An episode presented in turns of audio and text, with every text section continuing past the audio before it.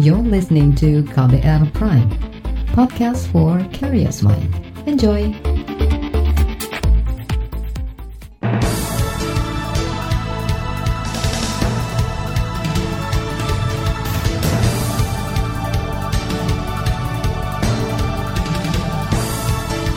Selamat pagi saudara, senang sekali kami bisa menjumpai Anda kembali melalui program Buletin Pagi edisi Senin 23 November 2020 bersama saya Naomi Liandra. Sejumlah informasi pilihan telah kami siapkan, di antaranya Mendikbud serahkan izin sekolah tatap muka ke daerah. Sekitar 80 orang positif dari kerumunan masa Rizik Sihab. 10 daerah di Jawa Barat tidak naikkan UMK tahun depan. Inilah Buletin Pagi selengkapnya. Terbaru di Buletin Pagi. Kementerian Pendidikan dan Budaya menyerahkan kepada daerah kewenangan pembelajaran tatap muka. Waktunya mulai ajaran baru Januari tahun depan. Menurut Mendikbud Nadiem Makarim, keputusan pelaksanaan pembelajaran tatap muka ditentukan oleh tiga pihak, kepala daerah, Kepala Kanwil Pendidikan dan Komite Sekolah. Untuk sekolah dasar dan menengah, bagaimana mekanisme penyelenggaraan pembelajaran? Jadi yang pertama izinnya dulu. Izinnya dulu seperti yang kita bilang, kita ulang lagi ada tiga pihak. Satu adalah Pemda, ya dan kepala dinas tentunya. Uh, keduanya adalah uh, kepala sekolah dan ketiganya adalah komite sekolah yaitu perwakilan orang tua. Tiga-tiga ini harus setuju baru boleh uh, mulai proses pembukaan tatap muka. Mendikbud Nadiem Makarim menambahkan kebijakan pembelajaran tatap muka tidak didasarkan atas zona risiko COVID-19. Selain itu, setiap orang tua punya kebebasan untuk menyetujui atau melarang putra-putrinya bersekolah tatap muka. Bagi orang tua yang tidak setuju, anaknya masih dapat melanjutkan pembelajaran dari rumah. Pemerintah pusat membantah melempar tanggung jawab ke pemerintah daerah terkait rencana menerapkan pembelajaran tatap muka awal tahun depan. Deputi Koordinasi Pendidikan dan Agama di Kemenko PMK Agus Sartono mengatakan, pemerintah pusat tetap menjalin koordinasi dengan daerah dan mengawasi setiap sekolah dalam memenuhi daftar periksa kesiapan pembelajaran tatap muka. Dan bahkan saya minta kemarin uh, segera dibles, uh, karena sejak SKB pertama kedua itu baru 42 persen satuan pendidikan yang mengisi checklistnya. Saya minta supaya Bupati, Wali Kota, dan Gubernur memastikan kepala daerah di setiap pemerintahan masing-masing untuk mendorong sekolah-sekolah yang belum mengisi checklistnya ini. Dari checklist itu, tugas berikutnya ada di Kepala Dinas Provinsi maupun Wali Kota. Mengevaluasi kesiapan sekolah itu. Deputi Koordinasi Pendidikan dan Agama di Kemenko PMK Agus Sartono menambahkan, pemerintah daerah juga harus melakukan simulasi sebelum memutuskan penerapan pembelajaran tatap muka. Federasi Serikat Guru Indonesia atau FSGI menilai rencana penerapan pembelajaran tatap muka pada Januari tahun depan harus memperhatikan indikator psikis murid dan juga guru.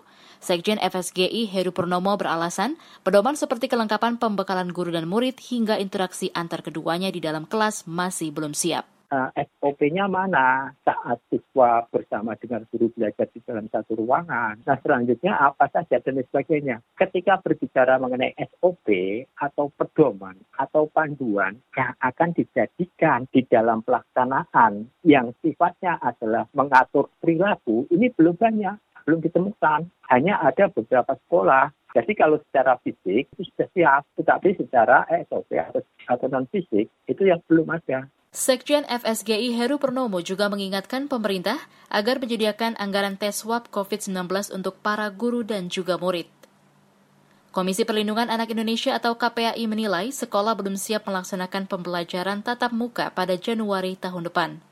Komisioner KPAI Letno Listiarti mengungkapkan, hasil peninjauan terhadap sekolah di 20 kabupaten, mayoritas sekolah masih mampu memulai pembelajaran tatap muka. Karena akhirnya menyerahkan kepada daerah itu mengerikan bagi saya gitu. Karena kita tidak bisa mengukur seberapa mereka kemudian peduli. Yang kedua adalah sekolah tuh nggak bisa sendiri. Sekolah itu harus didampingi. Bikin SOP pun tidak mudah. Ternyata banyak sekolah nggak mudeng dengan protokol kesehatan atau SOP. Kemudian juga mereka tidak mengerti apa saja yang harus disiapkan. Itu tadi Komisioner KPAI Retno Listiarti. Kebijakan menutup sekolah di masa pandemi COVID-19 memberi kontribusi menekan laju kurva kasus positif. Menurut epidemiolog dari Griffith University Australia, Diki Buniman, Berdasarkan kriteria kelonggaran yang ditetapkan Organisasi Kesehatan Dunia atau WHO, maka syarat melakukan pembelajaran tatap muka masih belum terpenuhi. Jadi angka kasus yang harian yang menurun dalam dua minggu berturut-turut ini dihitung dari sejak tes positivity rate-nya yang tercapai 5%. Ini yang harus dipenuhi terlebih dahulu bila ingin kita berkontribusi dalam melandaikan kurva dan juga mencegah dan melindungi anak anak kita ya keluarganya dan juga masyarakat. Ahli epidemiologi dari Griffith University, Diki Budiman menambahkan, strategi pengendalian pandemi COVID-19 tidak bisa dilakukan sektoral. Ia mengingatkan keputusan menerapkan pembelajaran tatap muka tidak boleh sepenuhnya jadi kewenangan pemerintah daerah saja. Saudara, dari 532 ribu satuan pendidikan yang terdiri dari sekolah dan madrasah, ternyata baru 42,5 persen yang melaporkan tentang kesiapan melakukan pembelajaran tatap muka. Pekan ini Kementerian Dalam Negeri akan mengirim surat edaran kepada seluruh gubernur, bupati, dan wali kota untuk memastikan agar sekolah masing-masing untuk mengisi dan melengkapi semua daftar kesiapan pembelajaran tatap muka. Isian daftar kesiapan dari masing-masing sekolah itulah yang nantinya akan jadi dasar evaluasi dan rekomendasi pelaksanaan pembelajaran tatap muka. Kemenko PMK berharap proses itu selesai akhir tahun ini, sehingga Januari tahun depan pembelajaran tatap muka bisa terlaksana. Saudara, kasus positif COVID-19 dari klaster kerumunan masa pimpinan Rizik Sihab akan hadir informasinya usai jeda. Tetaplah di Buletin Pagi KBR. You're listening to KBR Pride, podcast for curious mind. Enjoy!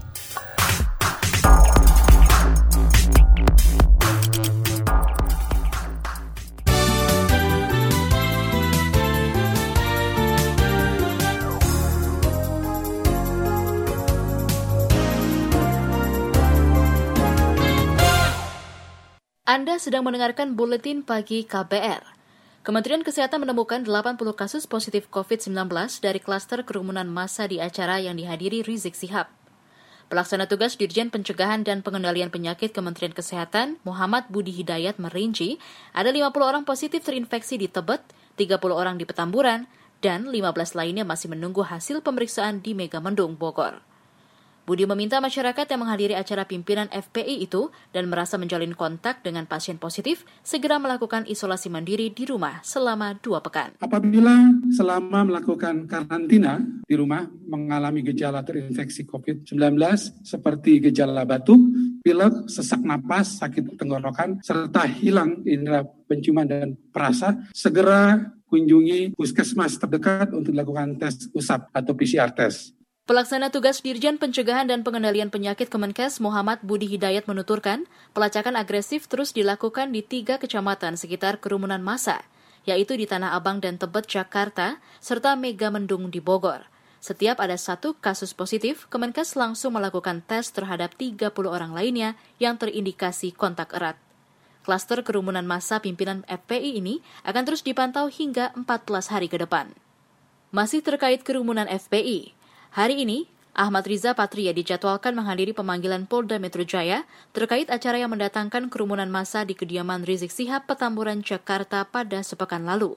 Selain itu, Polda Jawa Barat melalui juru bicaranya Erdi Chaniago menyatakan tidak menutup kemungkinan akan memanggil pimpinan FPI Rizik Sihab. Keterangannya diperlukan terkait kerumunan massa di Mega Mendung Bogor pekan lalu. Polda Jawa Barat juga sudah memanggil 10 orang untuk dimintakan klarifikasi termasuk Bupati dan Sekretaris Daerah Bogor. Komisi untuk Orang Hilang dan Korban Tindak Kekerasan atau Kontras mengkritik tindakan pencopotan baliho bergambar pimpinan Front Pembela Islam atau FPI Rizik Sihab oleh aparat TNI. Aktivis Kontras Danu Pratama mengingatkan agar TNI tidak masuk ke ranah sipil. Dan tidak boleh ada percampuran antara keduanya. Dan kalaupun ada pencampuran, yang seharusnya terjadi adalah sipil mencampuri urusan militer karena itu adalah bagian dari supremasi sipil. Maka dari itu ketika batasan ini dilanggar, memang tidak serta-merta langsung menjadi seperti orde baru, tapi itu merupakan salah satu regresi atau kemunduran terhadap agenda yang sudah dilakukan selama bertahun-tahun tersebut.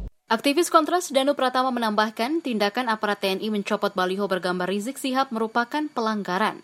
karena tugas TNI yaitu melakukan operasi militer terhadap ancaman persatuan dan kesatuan bangsa. Sedangkan pencopotan baliho, sekalipun muatan balihonya mengandung ancaman negara, cukup dilakukan Satpol PP atau kepolisian saja. Lembaga Perkumpulan untuk Pemilu dan Demokrasi Perludem menemukan sembilan resiko bahaya kampanye pilkada melalui media sosial. Peneliti Perludem Mahardika menyebut di antaranya penyebaran hoax, misinformasi, kampanye hitam, pengarahan topik, influencer, dana iklan media sosial, hingga akun anonim. Nah, kami lihat e, regulasi itu belum memadai untuk menanggulangi sembilan resiko ini. Risiko yang ada saat ini kan di Undang-Undang e, Pilkada di pasal 69 itu e, lebih banyak soal larangan kampanye secara umum gitu ya, yang seperti mempersoalkan dasar negara, kemudian e, menghina seseorang, agama, suku, ras atau golongan gitu dan sebagainya gitu ya. Sementara di PKPU sendiri di peraturan KPU juga pengaturan soal e, kampanye di media sosial itu masih teknis Peneliti Perludem Mahardika mengatakan temuan sembilan resiko bahaya kampanye di media sosial itu merupakan hasil kajian kualitatif bersama sejumlah lembaga lain. Kajian dilakukan sejak dua bulan lalu. Beralih ke berita ekonomi.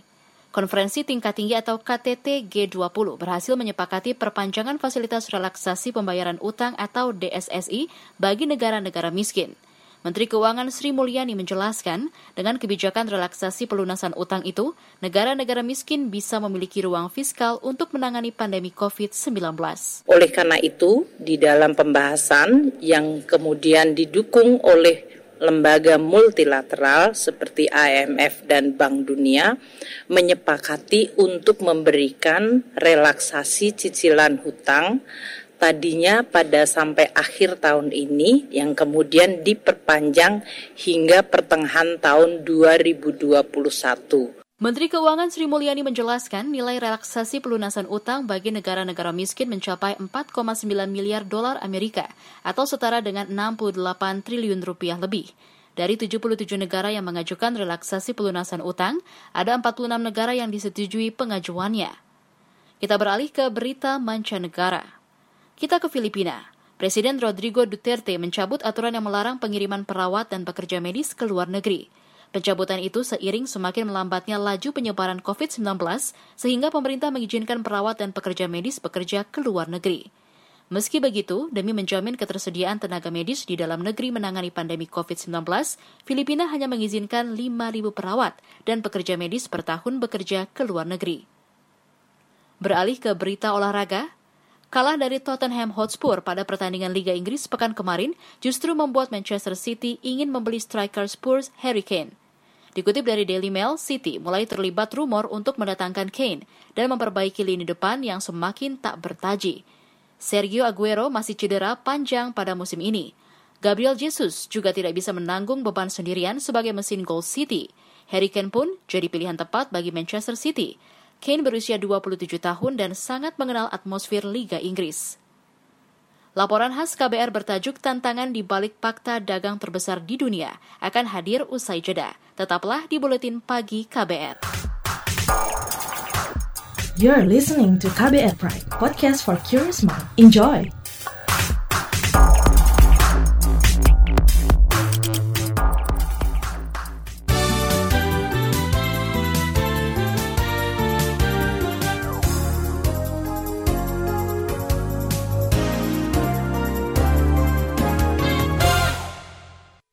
Masih bersama kami di Buletin Pagi KBR.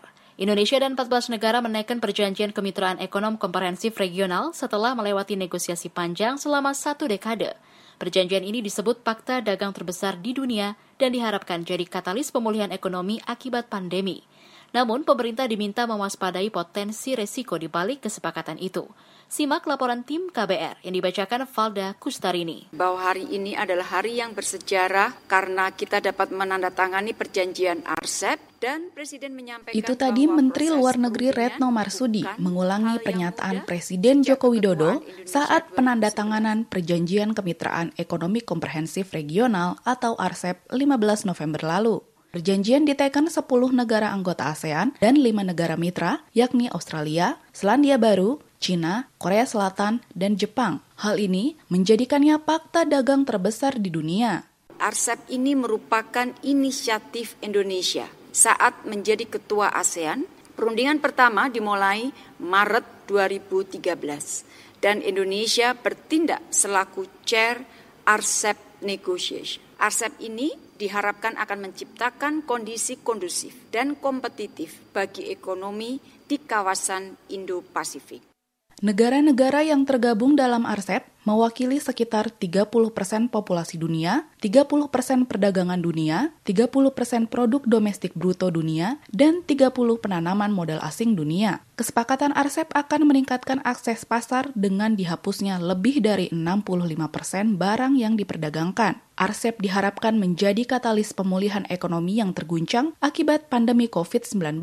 Presiden menyampaikan bahwa penandatanganan ini hanya sebuah permulaan. Jalan panjang dan terjal mungkin ada di hadapan kita, yaitu bagaimana kita mengimplementasikannya. Dan ini memerlukan komitmen politik pada tingkat tertinggi. Meski telah diteken, RCEP harus diratifikasi lebih dahulu oleh parlemen sebelum diberlakukan. Menteri Perdagangan Agus Suprananto menyebut ekspor dan investasi bakal meningkat dalam lima tahun setelah RCEP diratifikasi. Dalam waktu lima tahun setelah diratifikasi, RCEP berpotensi meningkatkan ekspor Indonesia ke negara-negara peserta sebesar 8 sampai 11 persen dan investasi ke Indonesia sebesar 18 sampai 22 persen. Namun, Agus menekankan prasyarat utama yang harus dibenahi yakni peningkatan daya saing produk domestik. Tak ada cara lain untuk memetik manfaat RCEP secara maksimal selain meningkatkan daya saing karena itulah yang dilakukan negara-negara pesaing kita secara terus-menerus, baik ia negara anggota RCEP maupun bukan anggota.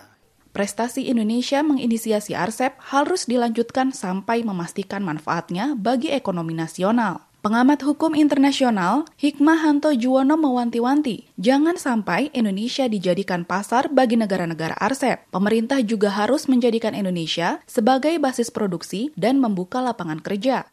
RCEP ini mampu membuat Indonesia sebagai negara, katakanlah dari negara ketiga yang bukan anggota RCEP, dia masuk lewat Indonesia, membuat barangnya di Indonesia, lalu kemudian menjual barang tersebut ke pangsa-pangsa pasar dari RCEP, maka ya, itu bisa memulihkan perekonomian kita, itu berdampak positif bagi Indonesia. Indonesia dipandang potensial sebagai pasar dunia karena memiliki kelas menengah yang terus berkembang sehingga daya beli juga ikut terkerek. Namun, daya saing produk lokalnya belum setangguh Cina tidak ada pesaing-pesaing yang berarti. Kalau misalnya di misalnya Cina, perusahaan dari Eropa masuk, enam bulan satu tahun setelah itu akan ada pesaingnya yang mirip-mirip seperti itu. Terus kemudian mereka sangat khawatir walaupun pasarnya besar, kelas menengahnya bagus, tapi pesaingnya yang merepotkan mereka. Kadang pemerintah kita kurang cerdas dalam memainkan instrumen-instrumen perdagangan. Nada lebih pesimistis dilontarkan Direktur Eksekutif Indonesia for Global Justice Rahmi Hertanti Alih-alih ekspor dan investasi yang meningkat, Indonesia justru bakal makin dibanjiri produk impor. Bahkan ya kalau kita mulai dari sisi ekspor dan impor saja sudah banyak mengatakan kita hari ini aja sudah defisit dengan ACP kan semakin defisit. Tentu ini yang terimbas besar adalah sektor pertanian kita gitu loh. Karena mostly beberapa negara, misalnya ASEAN, similar produk yang kita punya dengan ASEAN adalah pertanian. Kalau misalnya pemerintah bicara soal RCEP-nya adalah untuk meningkatkan ekspor bahkan menarik investasi secara signifikan, jawabannya sebenarnya tidak. Rahmi berpendapat, RCEP tak akan banyak membantu pemulihan ekonomi pasca pandemi, apalagi dengan pengesahan Undang-Undang Cipta Kerja yang lebih banyak mengutamakan korporasi besar. Itu sebab Rahmi meminta DPR cermat menganalisis resiko jangka panjang sebelum meratifikasi RCEP. DPR RI wajib melakukan impact assessment apakah perjanjian internasional tersebut akan memiliki dampak yang luas terhadap kehidupan masyarakat, kedua berdampak terhadap keuangan negara, tiga adalah berdampak terhadap penyusunan perundang-undangan yang baru. Bahwa DPR, please jangan cuma sekedar jadi stempelnya pemerintah.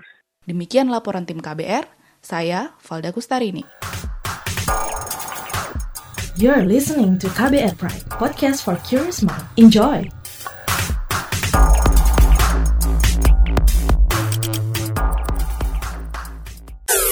Commercial break.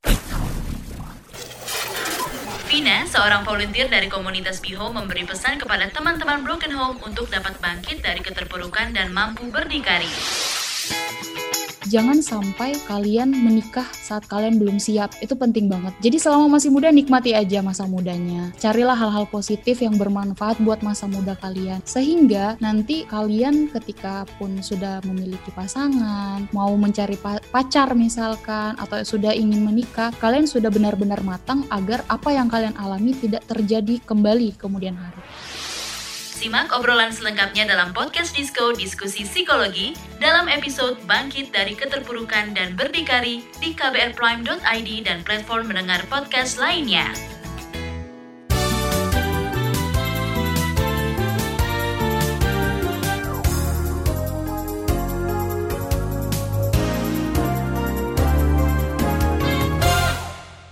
Inilah bagian akhir buletin pagi KBR. Gubernur Jawa Barat menerbitkan keputusan tentang upah minimum kabupaten kota untuk tahun depan. Sekretaris Daerah Jawa Barat Setiawan Wang Satmaja menyebutkan, Kabupaten Karawang tetap memiliki upah tertinggi di Jawa Barat sekaligus nasional terbesar 4,7 juta rupiah atau naik 200 ribu rupiah dibanding tahun ini. Kota Banjar memiliki UMK paling rendah, yaitu 1,8 juta rupiah atau sama dengan UMK tahun ini. Sisanya 17 kabupaten kota yang memang ada kenaikan tetapi itu pun didasarkan kepada kenaikan dari inflasi dan juga LPE baik secara nasional, provinsi maupun kabupaten kota. Jadi pada dasarnya kami sangat menghargai terkait dengan rekomendasi surat dari kabupaten kota. Sekretaris Daerah Jawa Barat, Setiawan Wangsa Atmaja merinci 10 daerah yang tidak menaikkan UMK tahun depan, yaitu Kabupaten Cianjur, Tasikmalaya, Garut, Kuningan, Ciamis, Pangandaran, Kota Bogor, Sukabumi, Tasikmalaya, dan Banjar. Kepolisian Aceh kemarin menangkap tiga tersangka penyelundup imigran asal Rohingya Myanmar. Kapolres Lok Sumawe Eko Hartanto mengatakan satu dari tiga tersangka berinisial ZA dan merupakan sesama etnis Rohingya dan sudah menetap di Sumatera Utara. Menurut Eko, ketiga tersangka diduga melakukan perdagangan manusia atas pemerintah warga asing dengan imbalan 6 juta rupiah per imigran. Personel pengamanan ya, dalam hal ini Kodim, TNI, dan Polri eh, berhasil mengamankan tiga tersangka. Jadi mungkin ini modus operandinya berbeda-beda, akan tetapi muaranya tetap pengungsi Rohingya ini akan dibawa ke Malaysia. Kapolres Lok Sumawe Eko Hartanto menambahkan ketiga tersangka penyelundup imigran Rohingya diancam hukuman 15 tahun penjara terkait keimigrasian dan perdagangan manusia. Kepolisian masih terus mengembangkan penyelidikan untuk membongkar sindikat kasus perdagangan manusia itu. Sebelumnya, ratusan pengungsi asal Rohingya Myanmar dikarantina sementara di gedung Balai Latihan Kerja Lok Sumawe. Menggunakan perahu kayu, mereka terdampar di Aceh pada Juni dan September lalu. Pemerintah Kota Balikpapan, Kalimantan Timur mengingatkan siap mencopot camat dan lurah yang tidak tegas mendisiplinkan warganya mematuhi protokol kesehatan pencegahan COVID-19. Wali Kota Balikpapan Rizal Effendi mengklaim sudah mengeluarkan surat edaran terkait hal itu berdasarkan instruksi Menteri Dalam Negeri ya ancamannya bagi camat dan lurah yang tidak mampu bertindak tegas akan dilakukan penindakan sampai pada pembebasan tugas jabatan. Agar masyarakat mematuhi protokol kesehatan dan melaksanakan kegiatan yang harus mendapatkan rekomendasi dari Satgas COVID-19 Wali Kota Balikpapan Rizal Effendi menambahkan, surat edaran juga ditujukan kepada seluruh rencana kegiatan masyarakat untuk lebih dulu mendapat rekomendasi Satgas Penanganan COVID-19 dan surat pelaporan ke kepolisian. Bila kegiatan masyarakat itu melanggar pedoman kesehatan, sanksi tegas siap diberikan dan kegiatannya pun akan dibubarkan. Jumlah total kasus positif COVID-19 di kota Balikpapan hingga akhir pekan kemarin mencapai lebih dari 4.300 kasus dengan 3.700 pasien sembuh dan 225 meninggal. Informasi tadi menutup jumpa kita di Buletin Pagi hari ini. Pantau juga informasi terbaru melalui kabar baru, situs kbr.id, Twitter kami di akun @beritaKBR, serta podcast di alamat kbrprime.id. Akhirnya, saya Naomi Liandra, beserta kerabat kerja yang bertugas undur diri. Salam.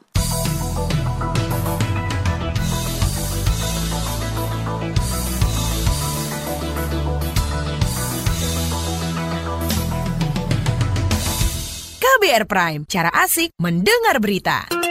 KBR Prime, podcast for curious mind.